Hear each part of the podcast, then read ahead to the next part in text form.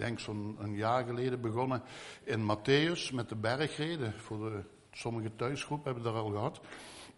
En als je dat doorleest, kwam ik daar een paar maanden geleden een heel mooi stukje tegen in Matthäus 5. Gij zijt het zout ter aarde. Indien nu het zout zijn kracht verliest, waarmee zal het gezouten worden? Het deugt nergens meer toe dan weggeworpen en door de mensen vertreden te worden. Gij zijt het licht der wereld.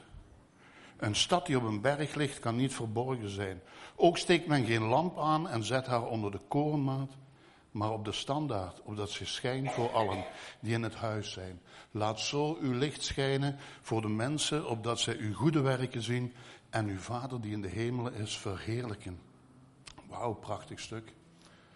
Een prachtig stuk. Helaas, anderhalf uur te weinig om het te behandelen. Hebt er meer tijd voor nodig. Ik ga een paar dingen uithalen. Gij zijt het licht der wereld. Geweldig. Ik hoorde overlaatst, toen ik ermee bezig was, toen hoorde ik dat Bart een mopje had verteld over het duisternis. Ik weet niet wie hier was. Ik herhaal het even, ik vond het goed. Hij zei, er was een kleine jongen. En die moest, zijn moeder zegt tegen hem, haal wat melk op in de kelder. Maar manneke was bang voor, het is donker.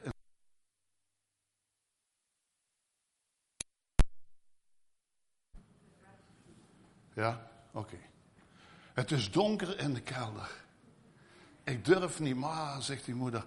Je, je zit toch op de zondagschool, je hebt toch over Jezus geleerd?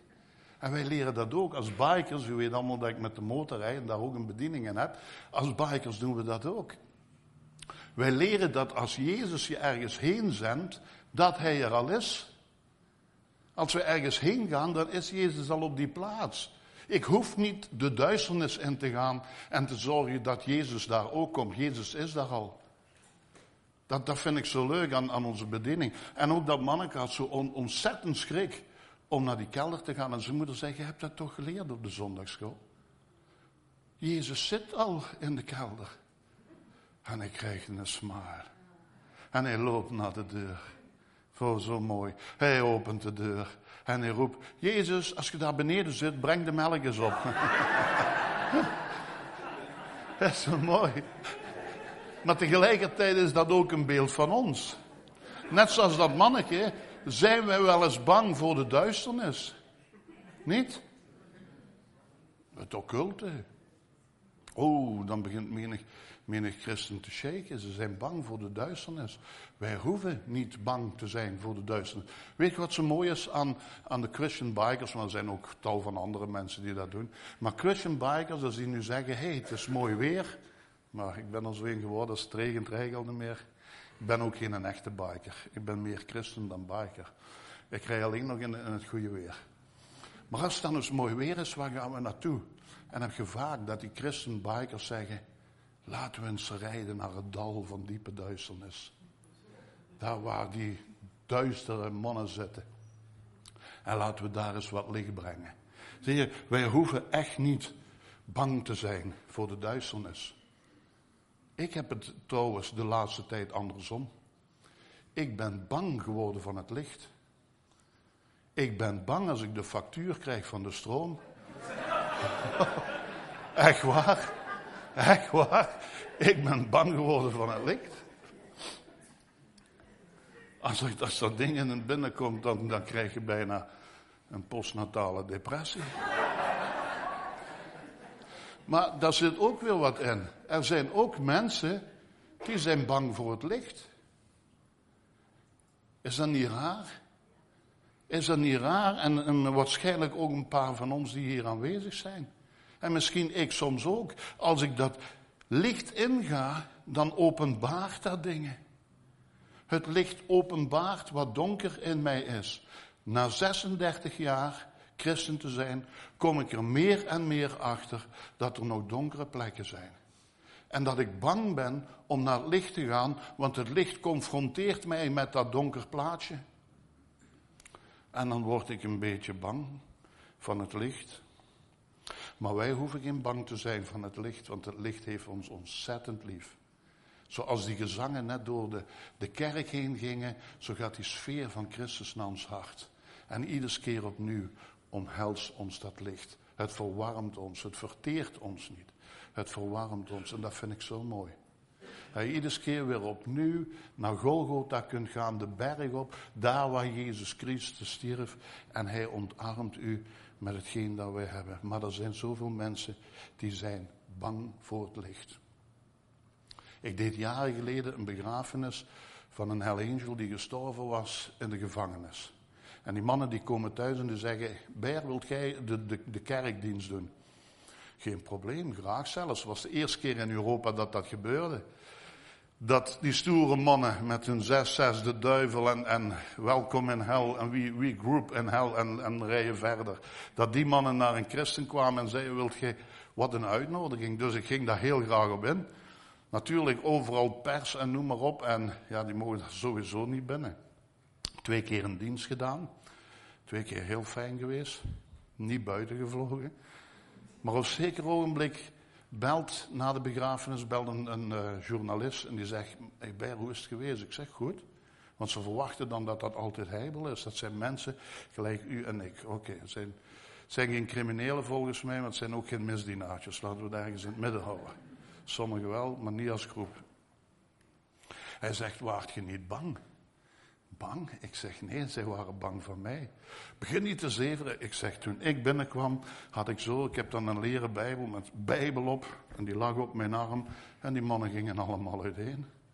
Die zijn daar bang voor. Als je daar binnenkomt, ze komen er wel eens, niet zo dikwijls. Maar als je daar binnenkomt, dan willen ze niet met u praten. Maar wie gaat nu met het licht? Ze zijn bang. Ze zijn bang voor het licht. Waarom ontwijken uw buren u en sommige collega's? Is u dat nooit opgemerkt? Chris vertelde over laatst, hij heeft zich laten dopen hier. En toen ik tegen mijn collega's zei, ik laat me zondag dopen, ineens hoorde ik er niet meer bij. En dan kom je op het werk en dan gaan ze zo'n beetje van elkaar weg. Je, voelt het, ik hoor daar niet meer bij. Ze zijn bang geworden in een keer omdat je een ander mens bent. Omdat je het licht bij hebt. Ik had zo'n ambetante collega. Als die binnenkwam, s'morgens op bureel, hij wist dat ik christen was. Ik ben het licht, hier is het licht en hier zit het licht. En ja, en op een keer had die kerel pech, pech. Hij komt binnen en zegt, ik ben het licht, ik ben het licht. En ik verspreid het licht. En achter de kast stond de manager en die hoorde dat. Hij zegt, gij zijt aan pesten. Naar huis. En die man kon vertrekken. Ik ben opgestaan, ik ben direct nagegaan. De manager zegt, wat gaat jij doen? Ik zeg, ik blijf hier in het donker niet werken. dat is maar een grapje.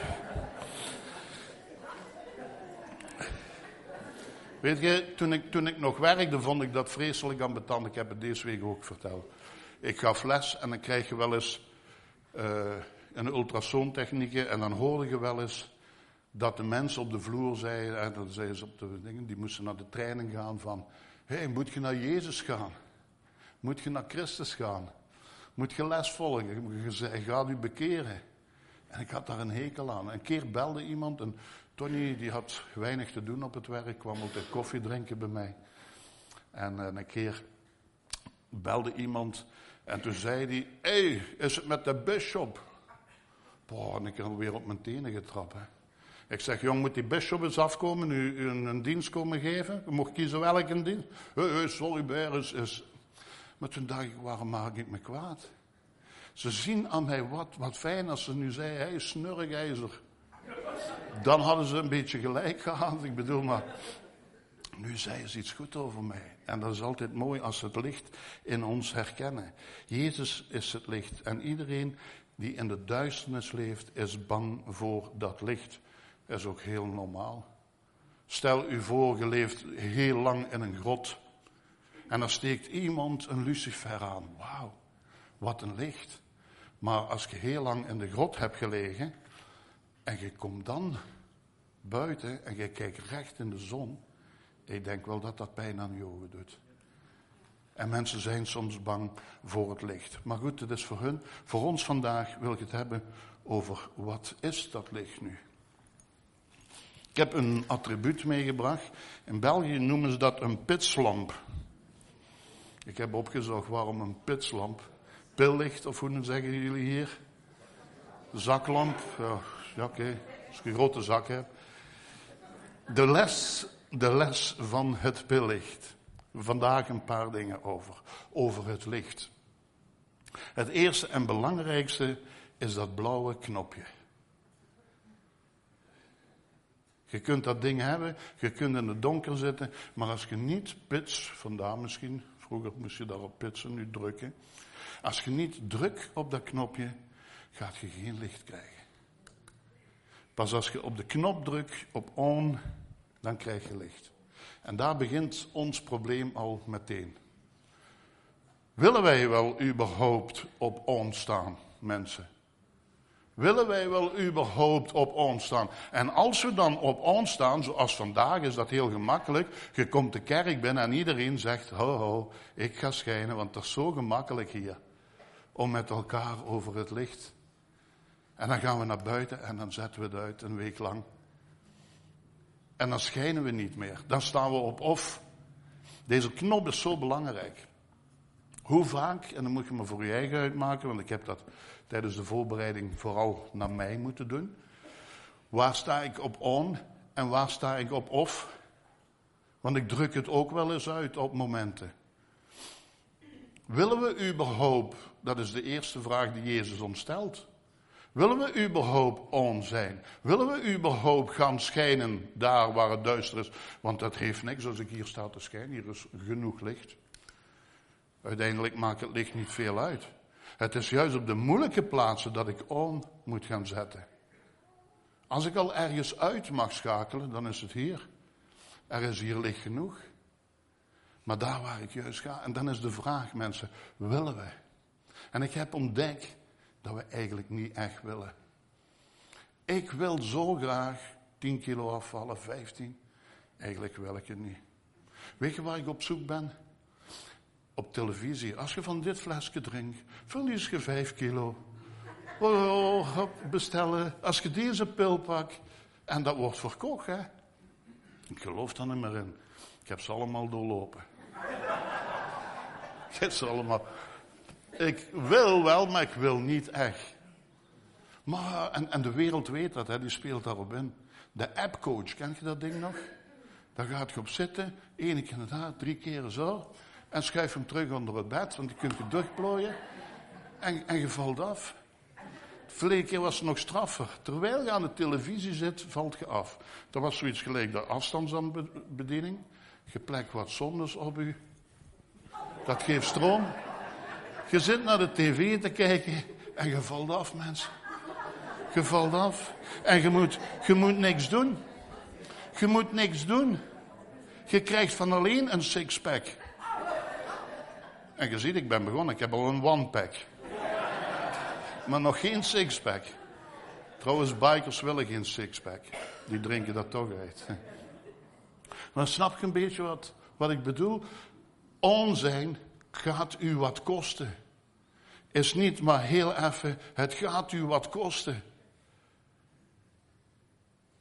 Het kost u wat als daar tien collega's bij staan en ze beginnen over de Bijbel omdat ze weten dat jij en dan zetten wij onze schakelaar op off.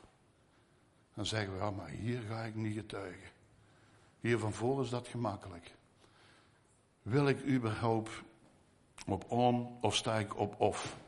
Ik had een collega, en dat is ongeveer een 15 tot 20 jaar geleden, dat ik ontdekte dat mijn knopje vaak op off stond. En Willy is helaas al uh, overleden. Maar als wij gedaan hadden, eh, twintig jaar geleden in de productie, dan gingen we naar de kleerkassen bij het einde van de dag. En dan had je boven een afdeling en onder. En ik stond onder en als ik het eerste klaar was, dan ging ik aan de trap staan en dan. En dan ging een andere. En wist ik, hé, hey, daar stonden twee geheime agenten in Christus. Die waren SMS, of hoe heette dat ding? Uh, die morscode, die waren naar elkaar aan het morsen. En niemand begreep dat. Tot de geest een keer tegen mij zei, Beer, zing nu eens aan trap. Ik geloof. Oh, I'm shaking. Hé, wat gaat hier iedereen, dan staat iedereen kom kijken. Ik durfde het niet. Dat is fijn. Niemand snapt het. Ik geloof in Jezus Christus. En mijn schakelaar ontdekte, ik stond op of. En vele mensen zijn nu op pensioen gegaan en ze hebben toen niet gehoord dat ik geloofde. Ze weten dat allemaal vanwege mijn jas en, en andere dingen, maar niet rechtstreeks soms. Bij het einde ging dat beter. En dan ben ik eigenlijk een geheim agent. Mag iedereen aan mij zien dat ik een christen ben? Zelfs sterker, zelfs de christen in de kerk kun je vandaag verblinden met het licht. Als wij gaan lezen in de bergreden waar ik nu begonnen ben, heb ik ontdekt. En ik ga dit werkelijk uitleven. Wat hier staat, 5, 6, 7, die drie hoofdstukken. Dan heeft dat een impact in mijn omgeving van maatschappij. Dat mensen zeggen, wauw, wat is dat? Maar wij leven het niet meer genoeg uit, mensen. Wij leven het niet meer genoeg uit. En ik ken jullie allemaal aan de hand van mijn eigen. Vandaar dat ik het durf zeggen. Jezus zegt, bereken de kosten.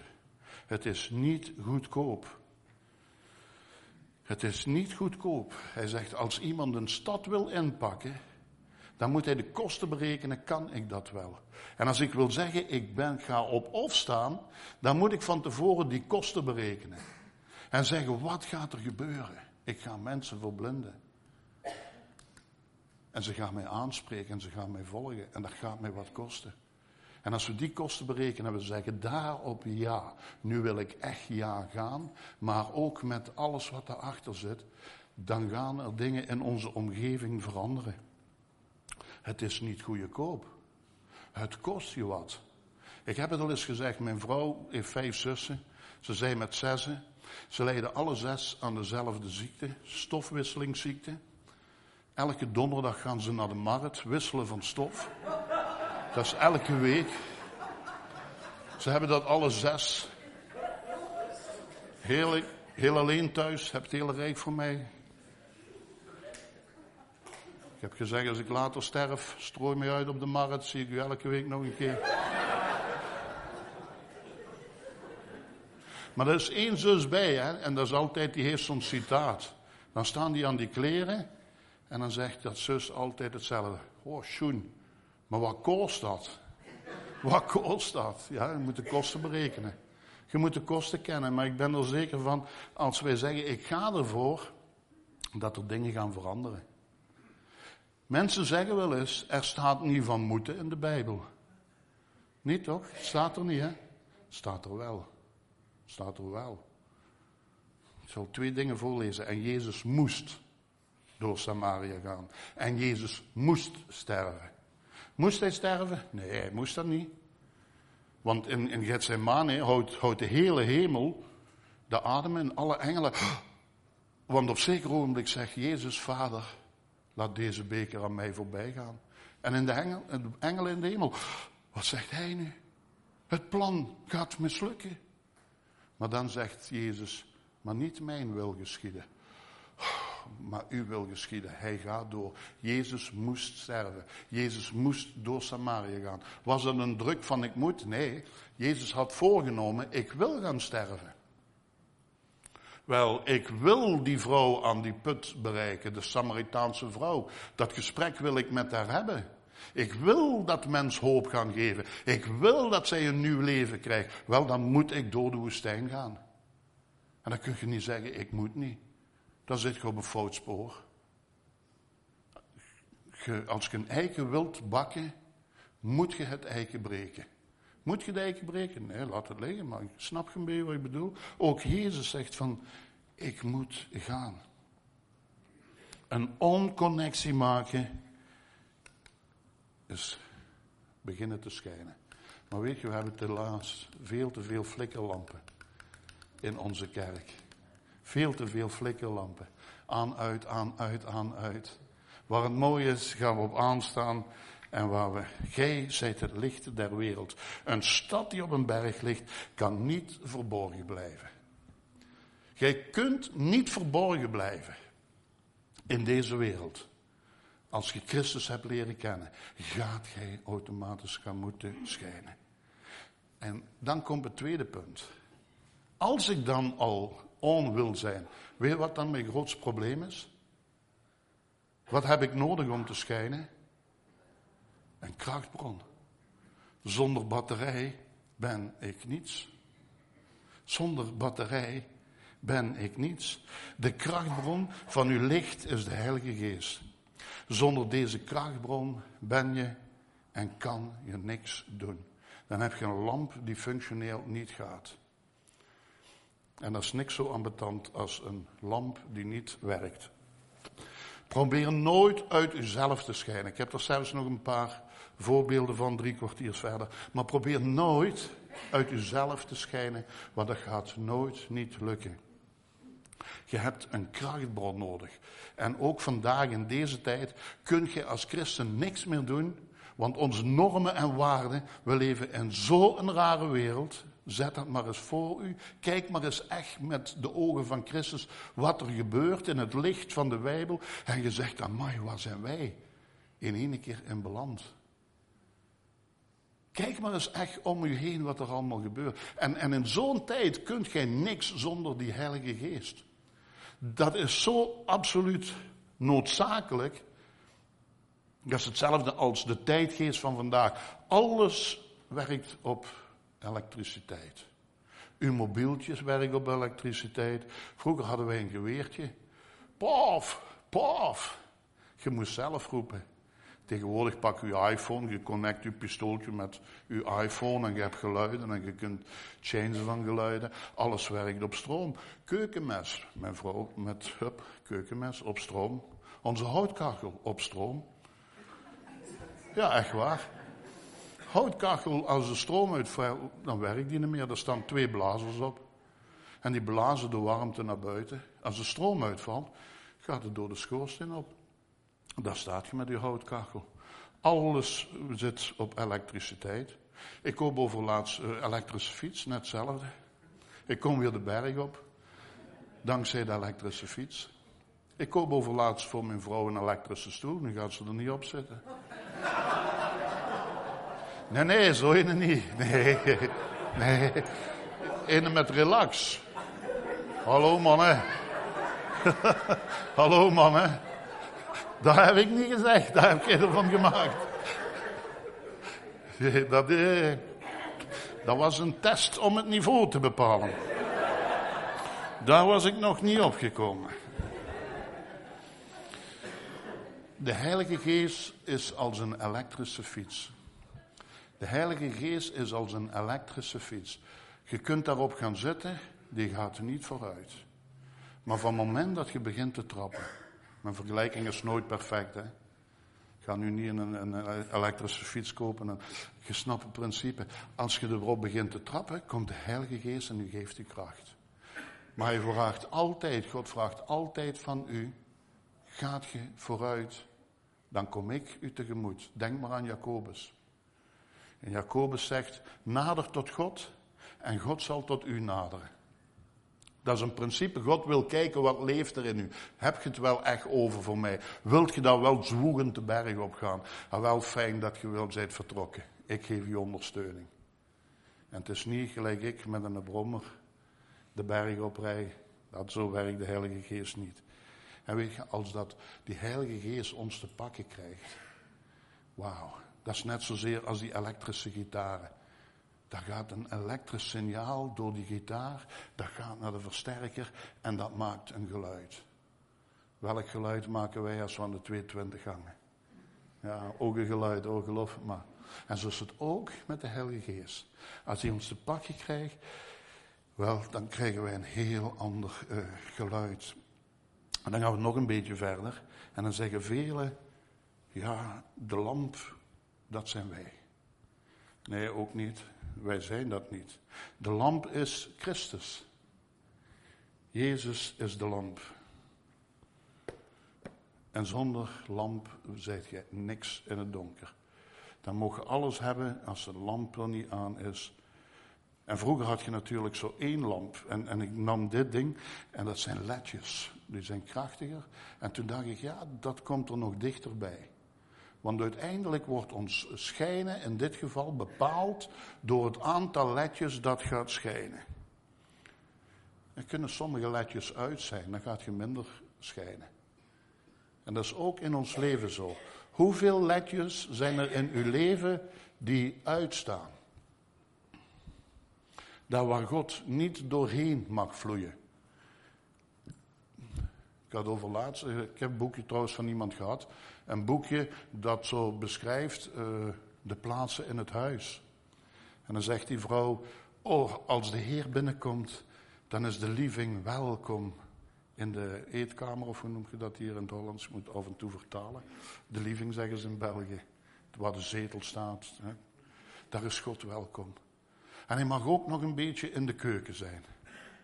Maar de deur van de hobbykamer blijft dicht. En mijn pc, ja, daar mag hij ook niet aan gaan zitten.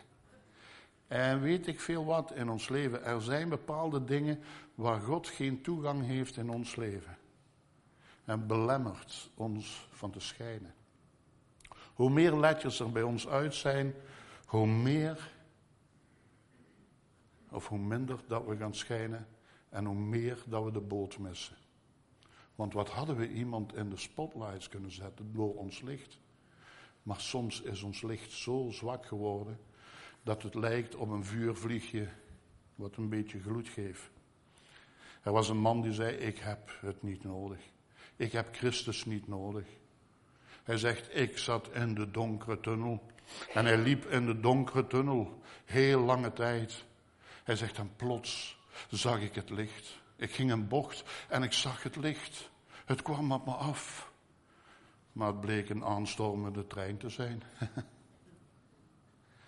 Die over hem heen is gewalst. Want de duivel is ook, doet zich ook voor als een engel des lichts. We hebben Christus, Christus nodig in ons leven. Als we Christus niet hebben, als we Christus niet ontsteken, dan wordt het heel koud. Ook steekt men geen lamp aan en zet daar onder de korenmaat, wat dat ook mag zijn. En technisch kunnen we dat heel fijn uitdiepen, die korenmaat, maar dat ga ik niet doen. We gaan het gewoonweg niet bedekken, zegt Jezus. De definitie van een christen is simpelweg licht en zout te zijn. Zijn wij nog gezouten vandaag? Mag Christus dan al ons in ons leven toegelaten worden? Schijnen we dan ook Hem uit in ons leven? Zien de mensen het aan mij? Zien, zien, zien, zien ze het. Niet horen ze het aan mij. Want dat telt niet. Wie, welke psycholoog heeft het neergezet, die heeft gezegd, wat je ook vertelt aan uw kinderen, ze pakken er niks van over. Maar wat de kinderen zien, dat zullen ze overnemen. Alleen wat ze zien, dat gaan ze overnemen. Mensen moeten het aan ons zien. En wat moeten ze aan ons zien? Ons karakter. En het tweede, zegt hij, opdat zij uw goede werken zien. Opdat zij, laat dan zo uw licht schijnen voor de mensen, opdat zij uw goede werken zien. Stel dat je vandaag een puntenkaart zou krijgen, hoeveel goede werken zijn daar gekoppeld? Door uw licht te schijnen. Hebben wij goede werken? Ik heb een kaf boven en een van die kaften is DDD-kaf. Dingen die ik deed. Pas op, ik ben geen dommerik, hè. Ik heb alleen de goede dingen daarin gestoken. Anders moest ik drie, vier kaften hebben. Die zijn weg, die heeft Jezus vergeven. Maar dingen die ik deed, niet om te zeggen, kijk eens wat ik gedaan heb, maar om er mij aan te herinneren dat ik goede werken moet hebben. Wij moeten goede werken hebben. Maar veel meer, en dat is de valkuil, heb ik ontdekt. De valkuil is dat opgelet met goede werken. Want ze zijn tegelijkertijd ook een valkuil. Niet voor niks zegt de duivel, uh, is zijn engel des lichts. En probeert hij u van de juiste weg af te brengen. Niet voor niks. Sorry. Mijn goede werken zijn tegelijkertijd ook een valkuil. Ik wil u eh, een vraagstuk geven, dan een beetje de reden daarvan. Stel, je komt zelfs thuis en er is op de straat iemand en ze zeggen, hij gaat sterven. Hij heeft nog vijf minuten te leven. Wat gaat je voor die arme man doen? Wat gaat je doen? Je gaat bidden. Ik ga een gebed voor hem doen. Ik ga hem toedekken, zodat hij warm heeft. Wow, het zangteam gaat een lied voor hem zingen. Dat is allemaal heel mooi. Maar het werkt allemaal niet. Er is maar één ding dat je eigenlijk zou moeten doen. Jongen, je hebt nog vier minuten. Gaat je Jezus aanpakken? Of gaat je in eeuwigheid de verkeerde kant op? Of je het nu koud hebt, of je honger hebt, of je je treurig voelt, maakt me op dat ogenblik 0,0 uit. Je hebt Christus nodig. Weet, dat is het grootste probleem. En als ik daaraan mijn werken koppel, dan zie ik dat ik heel wat werken heb gehad die nutteloos zijn.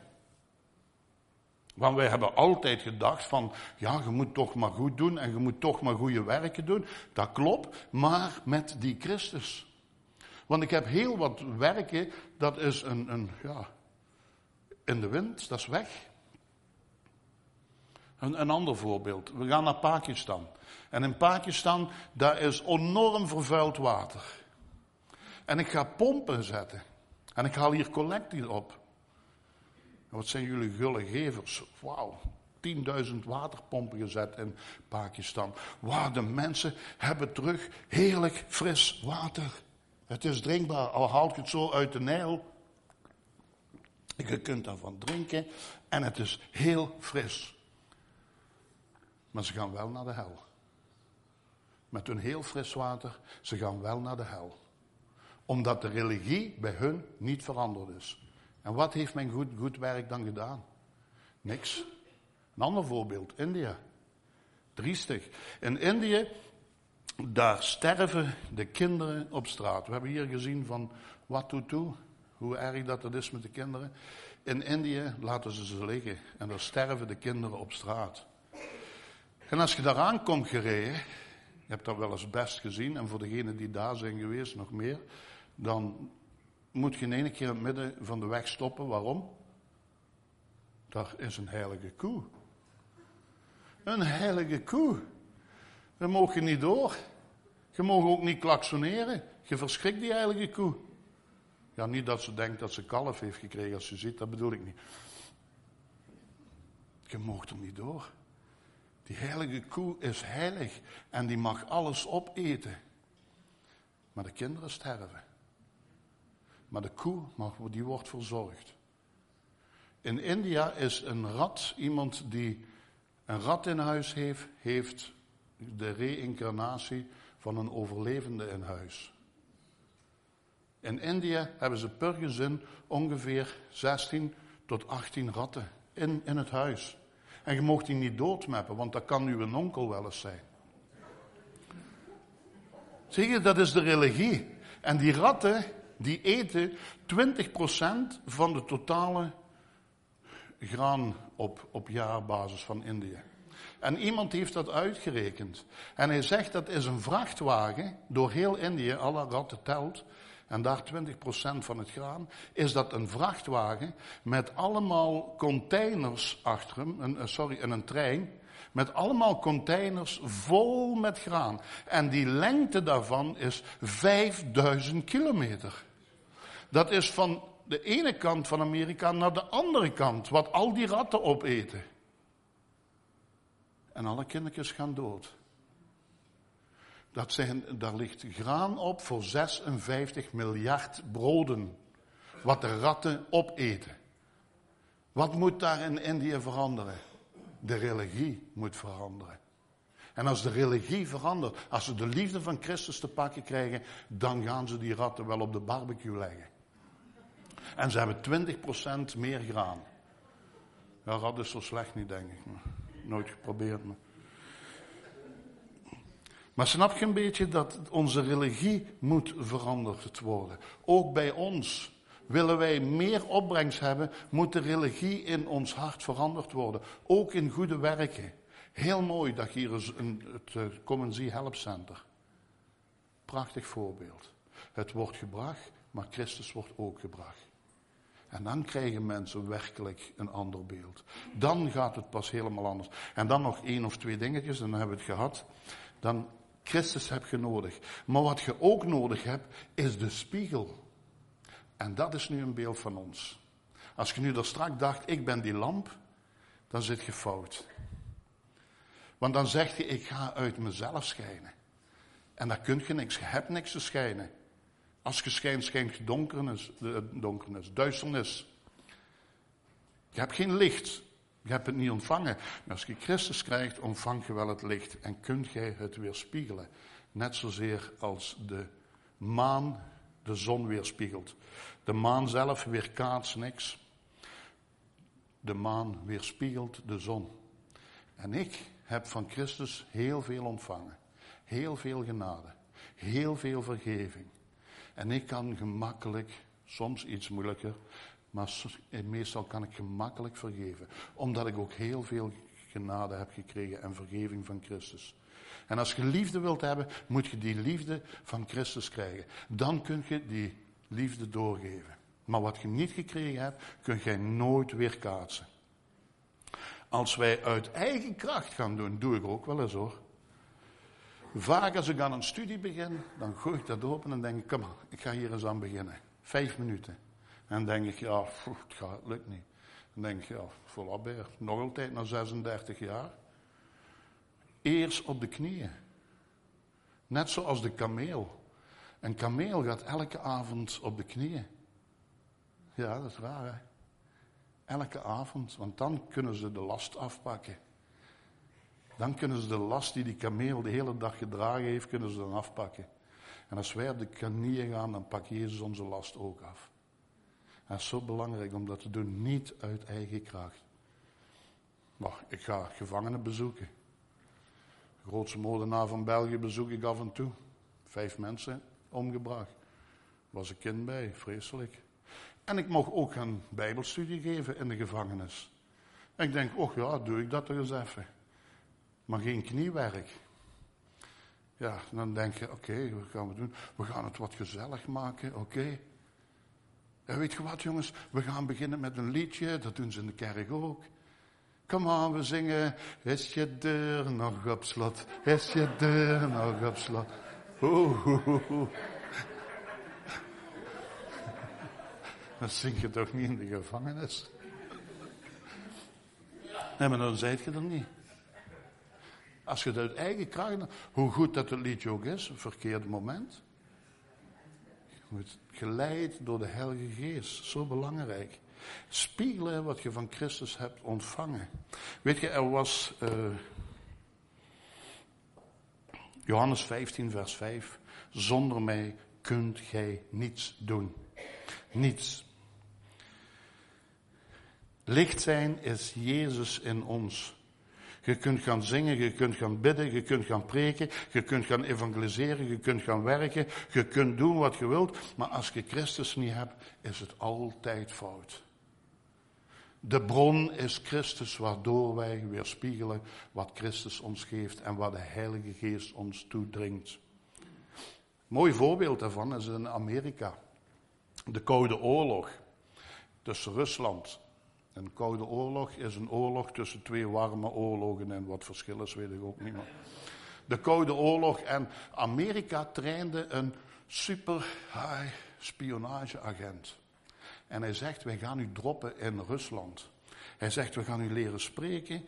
Kroatisch, Russen, Slovaaks, al die talen gaat je leren. En die man die kroop in de boeken en die leerde al die talen. Met de klanktonen, met alles een beetje erop en eraan.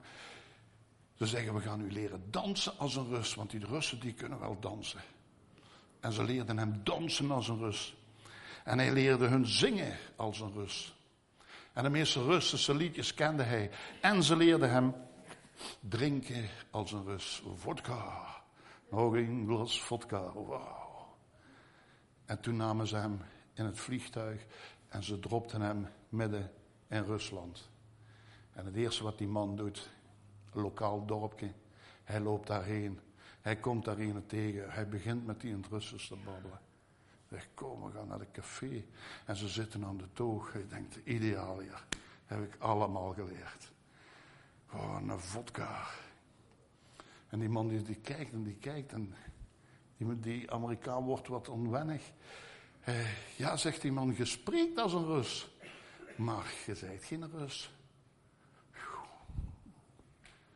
Zweet. En die man begint te zingen, al die liedjes. En die man zegt, ja, je zingt, het Russisch, je kent alle liedjes. Maar je zijt geen Rus. En hij begint te dansen en te drinken. En die man zegt, je dans en je drinkt gelijk een Rus. Maar je zijt geen Rus. En uiteindelijk zegt die man, zeg me dan, wat, wat doe ik verkeerd? Wat, wat, waarom ben ik geen Rus? Well, zegt die Rus, nog nooit zo'n zwarte Rus hier gezien. nog nooit zo'n zwarte Rus gezien. En zo herkennen ze het ook aan ons. Als je het niet zijt, valt je door de mand. Soms dan, ontmoet je christenen, en mij misschien ook wel eens, en denk je, ja, daar zit toch een raar kantje aan. Ik proef zoiets van. En let je dat nog uit is. Maar als je helemaal uit zijt, dan kun je wel in de kerk zitten en doen alsof je maar gezegd het niet. Dus wat je nodig hebt om te gaan schijnen, is Jezus Christus. Hoe beter de spiegelwerk, des te meer licht je hebt. De spiegel weerkaatst het licht. En er is in het heelal niet zo vervelend of volkomen nutloos als de naam Christen. Als je alleen maar een naam Christen zijt, gaat je niet ver komen. Laat zo uw licht schijnen om af te sluiten voor de mensen, opdat zij uw goede werken zien en het resultaat is en uw Vader die in de hemelen is, verrijken. Ik denk als we tot dat punt kunnen komen, dat de mensen God gaan beginnen te verheerlijken in de plaats van ons, wat wij gedaan hebben, dat is een kunst. En dan heb je gedaan wat hier beschreven staat, met Christus. Maar dan zonder zijn uw werken niets waard. Het moet met Christus gepaard gaan. Eén kaas kan duizenden andere kaarsen aansteken zonder haar eigen levensduur te verkorten. Je moet dingen zo doen opdat de mensen de weg naar Golgotha gaan. En de weg naar Golgotha is de berg op, daar waar Jezus gekruisigd is. En daar kom je en daar knielt je en daar zegt je van, ik ellendig mens. En dan krijg, word je deelgenoot aan christen. Dan word je christen. En dan kun je het woord verspreiden. En dat gaat altijd over het horen. Maar het licht verspreiden spreekt altijd over de werken in Christus. Wij zijn het zout, wij zijn het licht. Laat ons dat ook zo houden.